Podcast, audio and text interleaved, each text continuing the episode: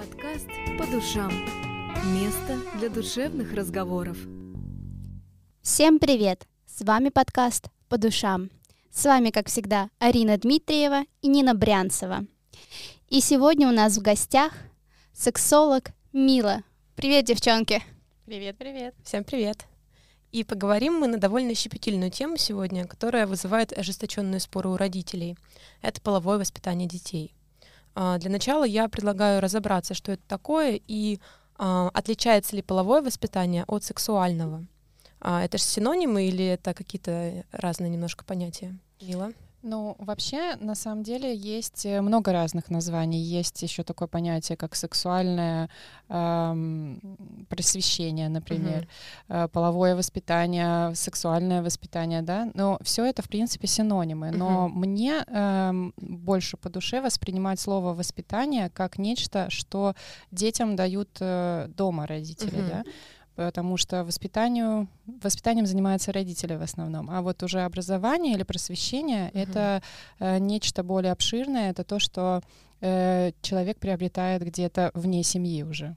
Угу. Поэтому, да, можно сказать, что это... Можно пользоваться любым из этих терминов, э, просто как бы это личное мое предпочтение, так сказать. Угу. А в чем вообще заключается главная цель полового воспитания? Э, цель полового воспитания — это воспитать э, э, в детях, в подростках, в малышах культуру здорового, здоровой сексуальности. Ну, то есть сексуальное здоровье, если проще сказать.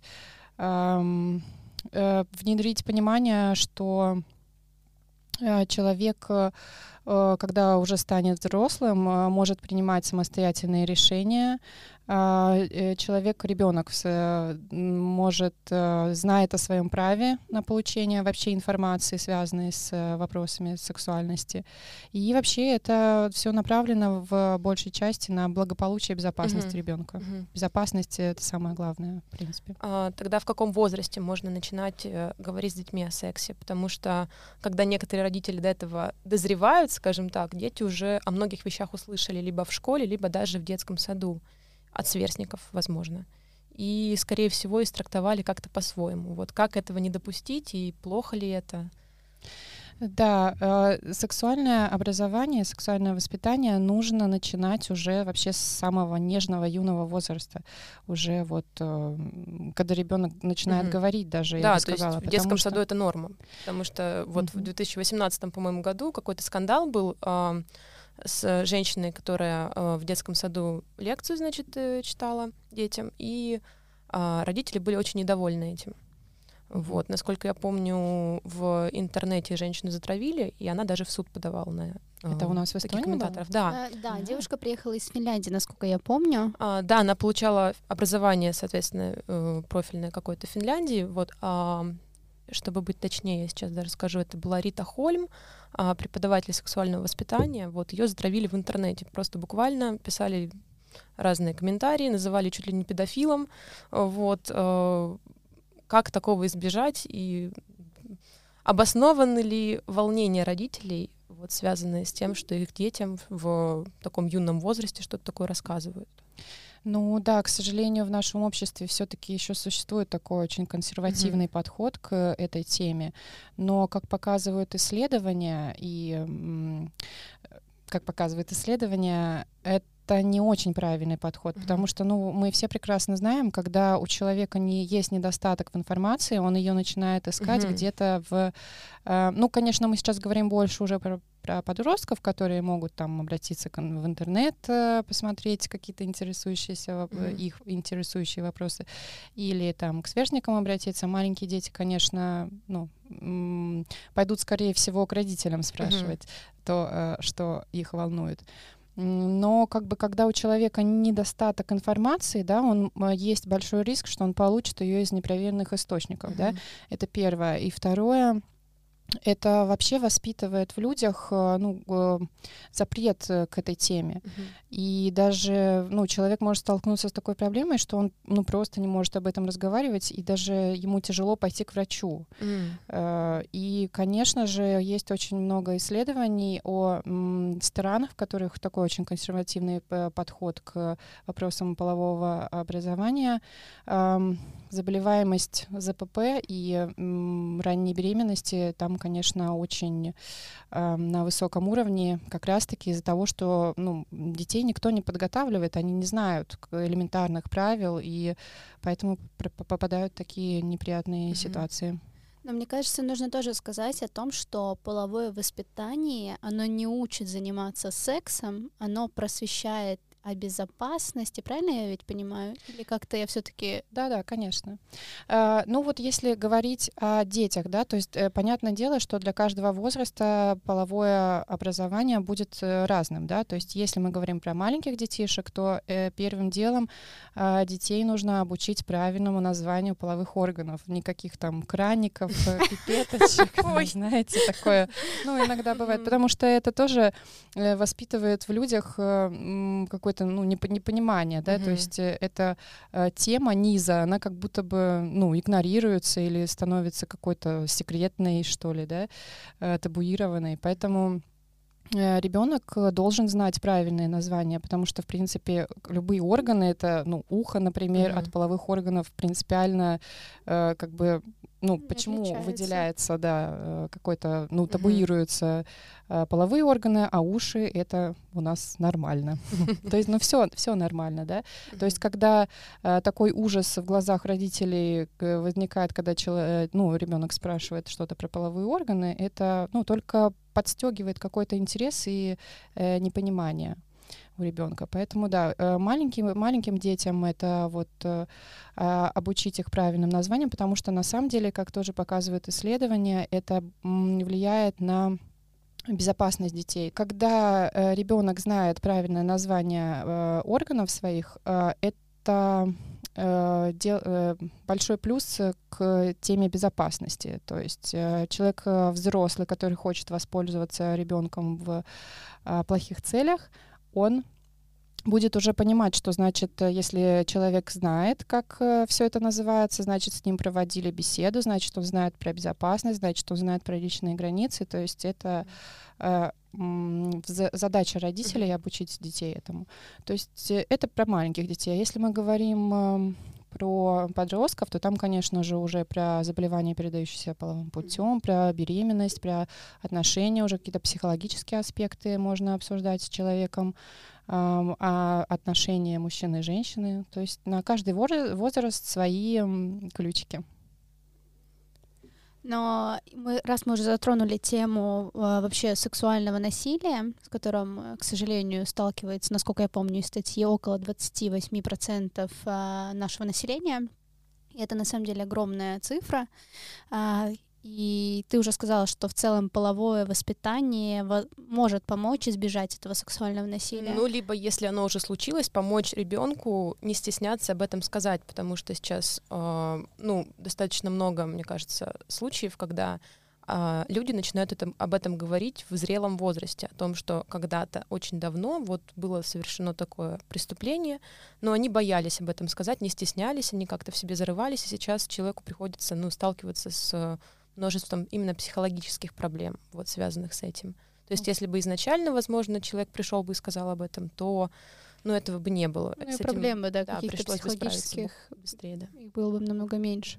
Конечно же, да, и это еще один из больших пластов э, сексуального воспитания в семье, это создать доверительные отношения с ребенком, объяснить ему, что в случае возникновения каких-то проблем, непониманий, даже, ну, просто элементарных вопросов, э, мы, родители, это главные люди, к которым ты можешь обратиться и получить э, именно от нас всю инфор любую информацию, которая тебя интересует. То есть на таком доверии строится, конечно же, очень многое в семье. Ну, я вот, допустим, видела то ли в YouTube, то ли в TikTok, э, может быть, даже в Instagram видео, где мама со своим маленьким э, сыном, ему ну, года три, наверное, или четыре, ну, то есть он уже разговаривает, но еще маленький-маленький. Э, и она ему объясняет, что где у него какие органы находятся. И она объясняет, в случае, допустим, если к нему на детской площадке кто-то подойдет, она уже, ну, то есть видно, что она с ним до этого разговаривала, и она спрашивает, что ты в этот момент будешь делать. И он начинает ей объяснять, что если вот он ко мне подойдет, то я э, либо начну кричать о помощи, либо я прибегу сразу к тебе и начну говорить о том, что такое произошло. То есть, на самом деле, очень э, классно, что в наше время в целом стали на эту тему говорить, и мне кажется, таких проблем становится со временем все меньше и меньше. Дай бог, чтобы так и было, потому что это на самом деле очень страшная тема. Да, конечно. И вот то, о чем ты сейчас рассказывала, да, это так называемое правило нижнего белья, которое тоже нужно объяснить детям mm-hmm. уже с маленького возраста, что те зоны нашего тела, которые покрыты нижним бельем, никто до них не может касаться, э, кроме самого ребенка. Ну и родителей только в исключительных случаях каких-то. То есть это воспитание личных границ. А, скажи, а может ли слишком рано начавшееся сексуальное воспитание как-то повредить психику ребенка? Это тоже возможно, заблуждение, возможно, не совсем заблуждение, которое ну, достаточно распространено сейчас, э, мне кажется. Ну, то есть почему, да. почему родители боятся вообще этого сексуального воспитания? Ну, да. А потому что они думают о том, что если вот сейчас им расскажут, как заниматься тут сексом, они сразу же и побежат да. это делать. Угу. Ну, конечно же, конечно же, никто не побежит сразу это делать. Э, наоборот, э, а, люди, э, дети более осознанные становятся, когда они обладают информацией. Они понимают уже, что можно делать, что нельзя, а, от чего нужно защищаться, что принесет а, опасность, что, а что делать можно. То есть это большое заблуждение, что на детей это влияет каким-то расливающим образом. Uh-huh. А, скажи, а какой тип информации должен э, ребенку доносить родитель, а какой именно э, в школе либо в детском саду должен получить ребенок? Это как-то ну, на самом деле, э, если родитель обладает достаточной информацией, если он сам mm-hmm. уверен в себе, если у него у самого нету каких-то блоков, касающихся mm-hmm. темы секса, то всю информацию может, в принципе, дать mm-hmm. родитель. Но, как правило, ну и часто бывает такое, что тема все-таки пикантная, и родители, ну, сами боятся, э, сами боятся этой темы касаться, и не, не говоря уже о том, чтобы обсуждать это с детьми. Поэтому в таких случаях э, есть э, специалисты, к которым можно обратиться. И э, я знаю, что в школе есть э, некоторые школы приглашают, ну вот ты э, затрагивала сегодня да, уже эту тему, был, да, да, детский угу. садик. Э, в школах также приглашают специалистов, которые проводят э, обучающие такие беседы.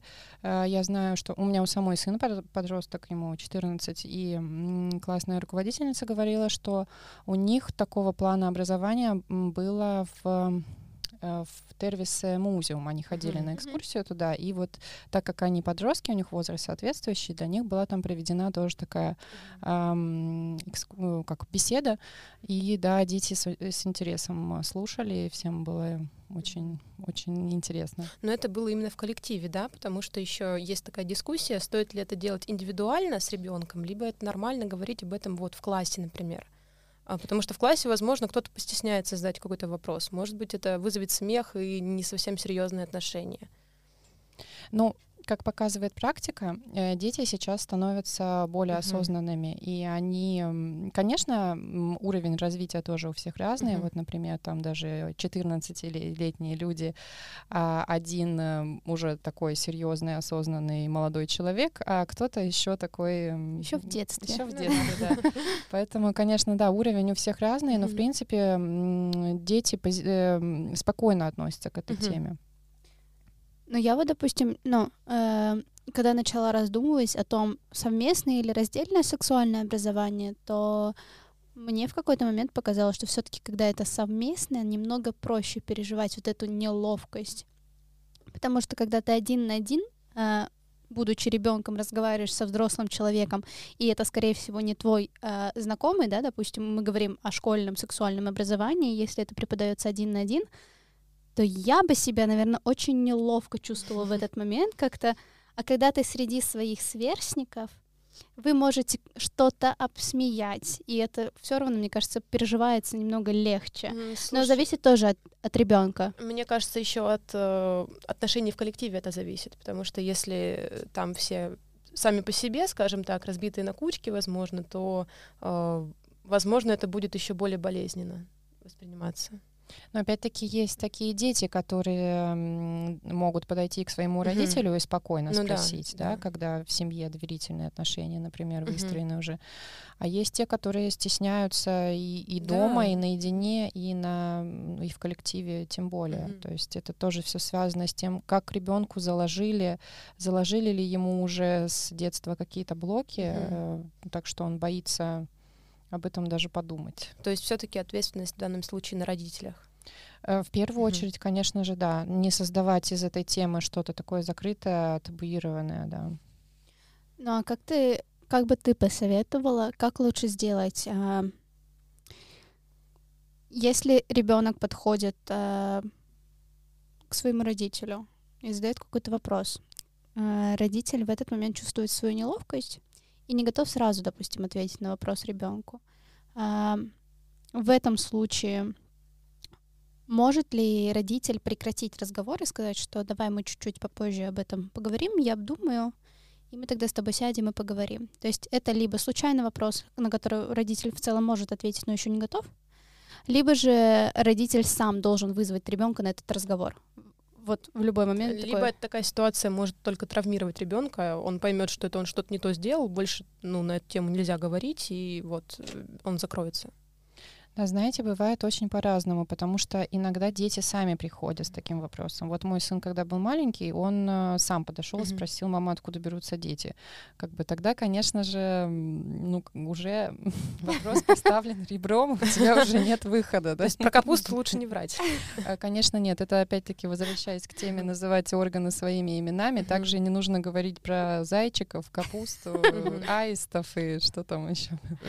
А можно тебя спросить, а как ты объяснил объяснила сыну. То есть вот у меня маленький брат растет, я не понимаю, как мне, он мне подойдет, спросит, Арина, откуда берутся дети, либо у мамы. Я скажу, подожди секундочку, сейчас. Сейчас я на YouTube найду чего-нибудь, включу тебе, да.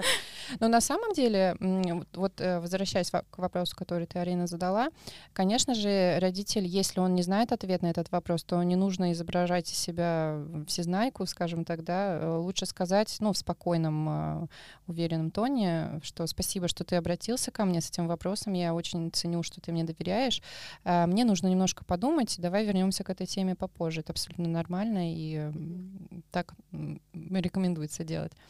А, в случае, когда подходит, да, к тебе человек и спрашивает. Ну, вот, э, допустим, что касается темы, как я объясняла своему сыну. В свое время, еще когда он обучался в детском саду у меня, у нас как раз-таки тоже воспитатели пригласили родителей на развивающую беседу, которая называлась «Сексуальность детей». То есть э, я с удовольствием вообще эту лекцию прослушала. Для меня, э, я для себя там очень много полезной информации узнала. И там вот как раз э, приходила психолог, детского сада психолог была, и она рассказывала, как правильно говорить, как правильно объяснять. То есть я это говорю к тому, что насколько важно родителям объяснять такие вещи и подготавливать их, да, то есть в плане того, как объяснять ребенку, откуда берутся дети, она тогда сказала таким образом, что э, папа заложил в маму семечку, и семечко проросла. То есть эм, мы не можем говорить детям, да, какие-то вещи, там, мы не можем вдаваться в анатомию, физиологию э, с пятилетним ребенком, потому что, ну, как бы, во-первых, он не поймет, во-вторых, мы сами-то, ну, так себе знаем что-то там. Да, мы биологи. Э, да, и в-третьих, ну, зачем пугать человека? Поэтому, как бы, с ребенком нужно разговаривать на том уровне, на, на том уровне, на котором э, сейчас находится его развитие. Поэтому с маленькими детьми вот эти вот истории с семечками э, проходят, потому что это как бы не обман, да, это, ну, это образное такое как бы объяснение. С детьми постарше можно уже, конечно, физиологическими угу. терминами объяснять. А с какого возраста примерно? Э, что именно с какого а, ну, возраста? Можно уже... физиологические. Ну, это все зависит от э, э развитости ребенка, угу. потому что ну, дети настолько разные, да, все по, настолько по-разному развиваются, что кому-то, может быть, уже и в семилетнем возрасте угу. можно рассказать о физиологии, а кому-то в 14 непонятно угу. будет. То есть э, очень индивидуально. Ну вот, кстати, про семечко. А, дети, они же обычно задают вопросы за вопросом. То есть ты отвечаешь на один вопрос, а от этого у них еще возникает э, другой вопрос. У меня сразу мысли, э, если ко мне ребенок, допустим, подойдет либо мой будущий, либо мой брат младший, и он спросит, Арина, откуда берутся дети? Э, я расскажу про это семечко, а он спро- спросит, а как папа в маму семечко заложила, что я тут должна сказать? Мне кажется, это такой сложный вопрос будет. Надо применить смекалку какую-то, да, воображение. Надо сказать, извини, я подумаю и И потом тебе отвечу. У папы есть волшебная палочка. Ну вот, фантазия, да. То есть э, нужно, нужно как-то, да, построить свой разговор так, чтобы это не было обманом, но чтобы это не было прямолинейностью такой бытовой. Ну, то есть тоже э, в плане воспитания сексуального надо не перегнуть палку. Мне кажется, это прям угу. очень важный пункт. Если мы взрослые, мы уже как бы все знаем, мы все понимаем, надо попытаться свои знания перевести на тот уровень, как, ну, на котором находится ребенок. И мне кажется, это самая сложная задача для родителей. Угу. Потому что не у всех есть такая фантазия, чтобы про семечко что-то придумать, а потом ну, еще вот, кстати, про что-то. Да, да, мне кажется, что некоторым сложно вот на таком ну, уровне разговаривать с ребенком. Ну вот для этого э, полезно какие-то вот такие примеры получать откуда-то извне, mm-hmm. вот как я mm-hmm. как я вам рассказала, да, как было со мной, например, потому что мне это очень пригодилось. Ну так бы я тоже не знала и думала, а что же ему сказать? Э, да, но дети тоже не все сами подходят, да. Некоторые подойдут с вопросом, некоторые нет. Э, ну вот, а кстати, а некоторые, да. знаете, как в том анекдоте, сынок, я хочу поговорить с тобой о сексе. Хорошо, папа, что ты хочешь узнать, спрашивай. Да, иногда это может быть уже совсем поздно говорить. Ну да, стоит инициировать этот разговор в каком-то возрасте определенном. А, в, в каком-то э, возрасте все-таки стоит, если никогда речь об этом не mm-hmm. заходила, и как, когда ребенок подходит к возрасту пубертата, лучше, mm-hmm. чтобы он подошел к этому готовый, и чтобы он получил это все-таки из уст взрослых, mm-hmm. а не сверстников Ютуба или там чего-нибудь еще такого непроверенного. Поэтому лучше инициировать. Uh-huh. Но опять-таки э, подобрать слова, выбрать такую доверительную обстановку, чтобы это не было шоком, в принципе, ни для кого, ни для родителей, ни для детей тоже. Слушай, может быть, сможешь посоветовать какие-то материалы, которые помогут родителям вот построить разговор? Может быть, это какие-то мультики, книги, э, может быть, даже приложения или игры? Э, ну вот мне так сейчас сразу в голову mm-hmm. ничего не придет, но вообще на самом деле очень много сейчас книг mm-hmm. на эту тему. Масса книг, э, которые подходят. И я, кстати, вот недавно сама читала. Mm-hmm. Может быть, как-то мы можем выложить потом какой-то список, если будет интересно. Да, обязательно. Да, Хорошо, обязательно. Потому что так я, я не вспомню. Но на самом деле эти книги, они написаны настолько интересно, что я, я сама зачиталась. Очень интересно, правда, таким не нудным, не занудным языком, а в такой легкой манере изложения, что интересно почитать и, и найти что-то для себя mm-hmm. нового взрослым тоже там можно. В этих То есть, возможно, это не просто ты отдаешь книгу и говоришь, иди, иди читай сам, а вы вместе сидите там ты объясняешь что-то? Ну, это такое дво, двоякое, да. С одной стороны, если родитель совсем уж никак не может uh-huh. подойти к этой теме, то в таком случае можно ну, лучше и книгу дать, uh-huh. чем. Э, получить информацию с кучей мифов, стереотипов ну, и какой-то ерунды от своих сверстников, да. Вот. Но, конечно, лучше, если родители это попробуют как-то своими словами mm-hmm. объяснить. Э, ну, подготовиться заранее, наверное, да, то есть выстроить какую-то цепочку беседы, что он будет говорить, как. Ну, то есть все равно надо подготавливаться в любом случае заранее и начинать это с самого детства, а не так, что только в тот момент, когда ребенок у тебя спросил, ты только тогда начинаешь э, делать какой-то research и пытаться понять, как объяснить вообще в целом ребенку, что такое секс угу. и откуда берутся дети.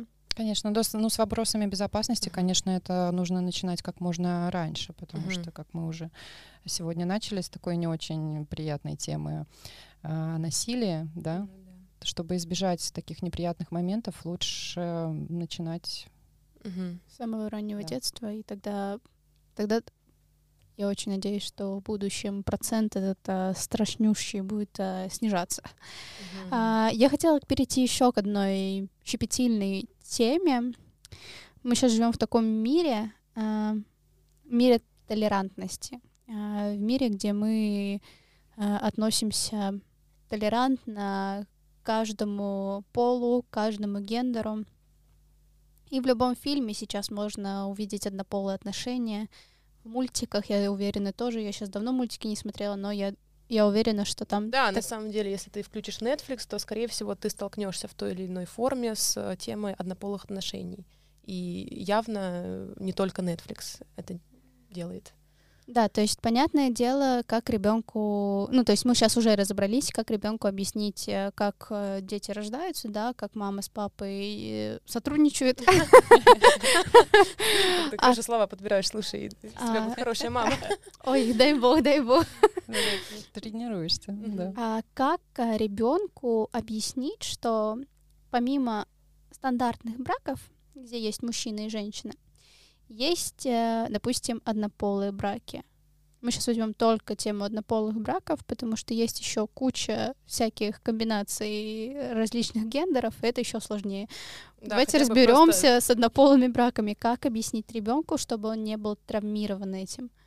Да, и стоит ли говорить, что все это плохо, не вздумай, там, вот ой-ой-ой. Ну, плохо, стоит... я уверена, что не надо ну, говорить, потому что мы да, же да, толерантны. Да, да. Ну, естественно, да, но просто мне кажется, что достаточно большое количество родителей переживает, что как же так, вдруг, вдруг ребенок это где-то услышит, решит, что он тоже такой, и как же так, как же тогда быть?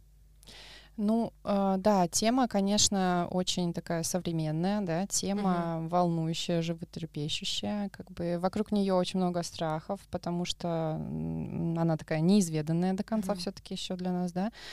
Uh, ну, как э, разговаривать так же, как и, в принципе, о, в, в вопросах полового воспитания, mm-hmm. спокойно, без осуждения, mm-hmm. без каких-то личных uh, навязывание личного мнения, просто спокойно и делать акцент, знаете, на том, что не на физиологии, не mm. на том, что это плохо, mm-hmm. хорошо, правильно, неправильно, а на том, что чувства бывают между людьми не обязательно разно, разных полов, но mm-hmm. также они могут возникнуть между людьми одного пола. То есть mm-hmm. делать акцент на чувства, а не на э, запретность или там угу. неправильность. Я практически уверена, что сейчас это послушают люди некоторые и скажут, как же так, это я буду пропагандировать, получается, своему ребенку, значит, однополые отношения. Можно ли этой информацией как-то заставить ребенка сменить, грубо говоря, свой гендер? Можно ли это как-то вот повлиять на его э, ориентацию? Или это невозможно? Это просто информация, которая ну, ну вот знаете, на самом деле ученые до сих пор не пришли к какому-то выводу, как бы почему э, у людей разная mm-hmm. ориентация бывает, да. Сейчас все-таки есть больше склоняется к такому мнению, что у людей, э, э, которые любят э, людей своего пола, скажем так, да, у них э, э, больше, ну я скажу простыми словами, на, настройки в, голов, mm-hmm. в голове как бы этого пола. Uh-huh. ну, вот очень так, если грубо сказать. То есть э, с этим люди рождаются, и, э, ну, сейчас такое бытует мнение больше среди специалистов. И то есть поэтому невозможно ребенку uh-huh. или вообще любому человеку навязать э, ориентацию. Uh-huh. А, то есть, да, если раньше это считалось каким-то заболеванием, то, ну вот, допустим, в 1993 году э, гомосексуальность исключили из э, списка э, психических заболеваний uh-huh. и стали относиться к ней толерантно, как сейчас модно говорить. Ну да, да раньше-то ее лечили. Раньше лечили, да. Лоботомиями. Угу. Вот, поэтому э, не, сто, ну, не стоит бояться того, что из-за какой-то пропаганды, например, э, ребенок, ну или разговоров вообще, да, mm-hmm. пропаганда это совсем уже отдельная история. Даже просто от разговоров э, человек эм, переменит свой пол.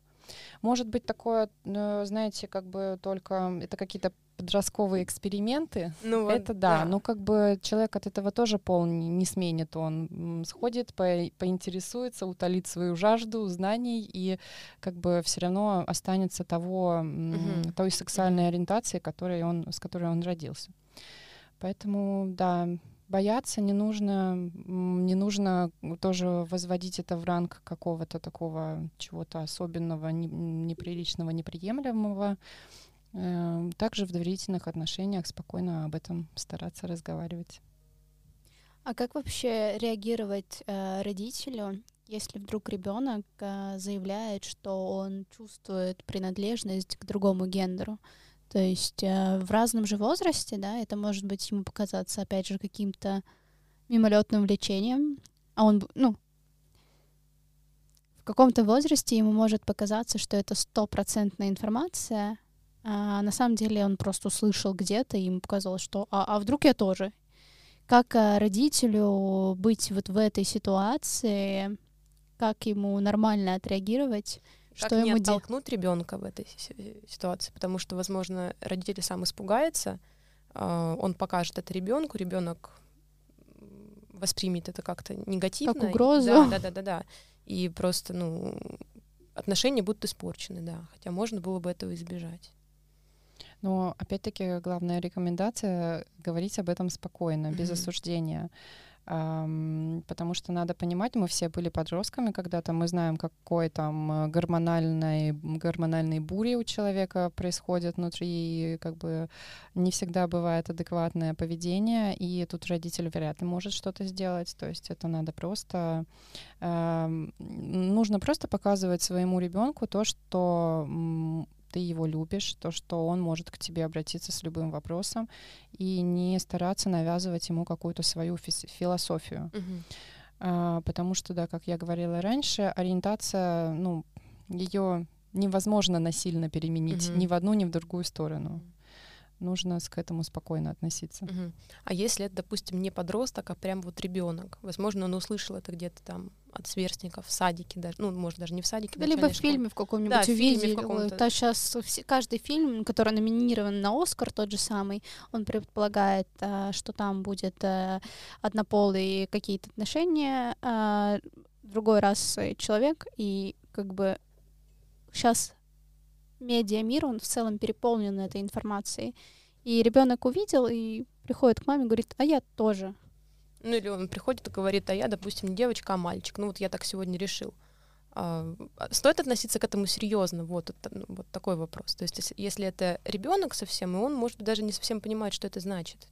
Ну вот в том и дело. Дети же живут в фантазийном мире, mm-hmm. они э, воображают, они играют, они mm-hmm. примеряют на себя разные роли. То есть э, не нужно здесь какой-то делать из этого, а, ну, не нужно создавать вокруг этого какой-то такой ореол эм, запретности, запретности, угу. да, ненормальности. Угу. Опять-таки доверие, доверие и объяснение ребенку того, что э, он любим, он принимаем в любом его виде э, в общем, не нужно накручивать лишнего угу. там, где этого не стоит делать.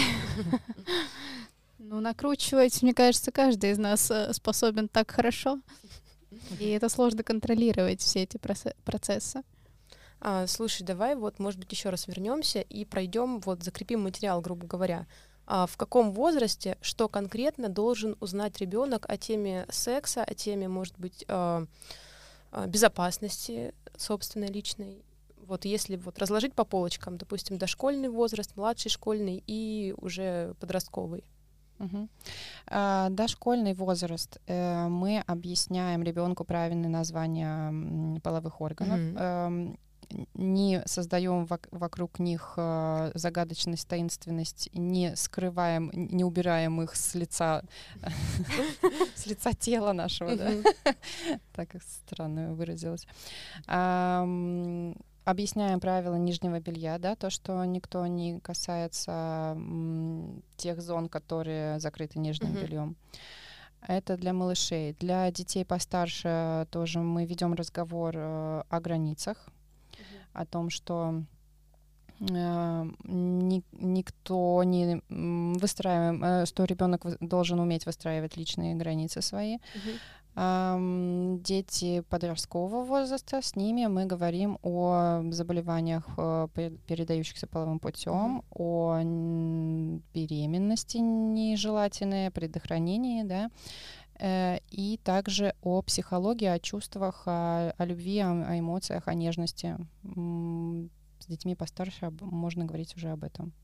И мне кажется, еще э, детям постарше можно говорить о том, что секс — это про уважение к друг другу, что если ты не хочешь заниматься сексом, ты должен суметь сказать «нет». Потому что, как часто всего, чаще всего случается, кто-то из партнеров не хочет, но так любит этого человечка второго, что не, не может отказаться. И надо объяснить ребенку, что нормально говорить «нет».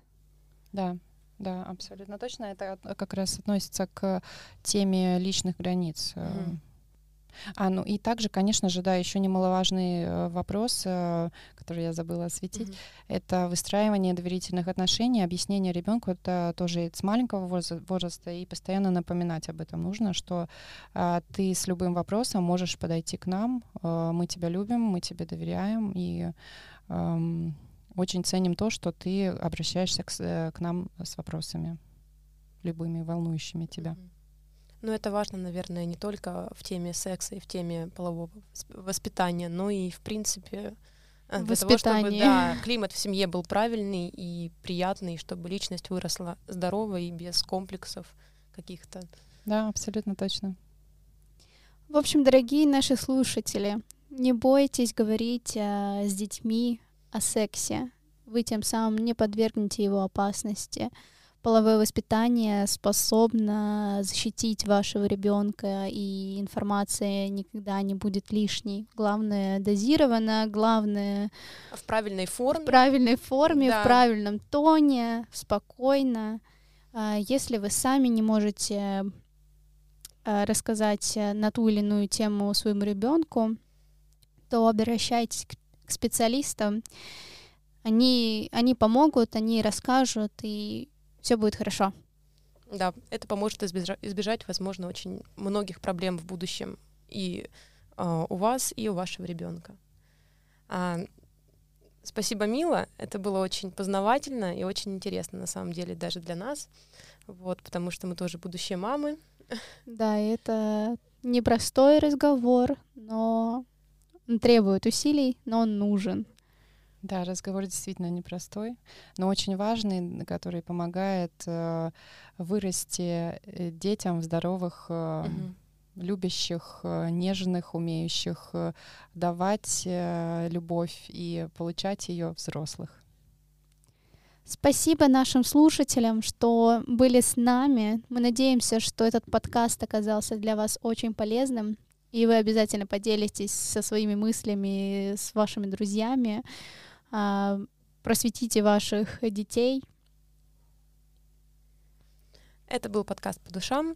Слушайте нас на всех удобных для вас подкаст-площадках. А с вами была Мила, Нина и Арина. Всем пока! Всем пока! Всем пока!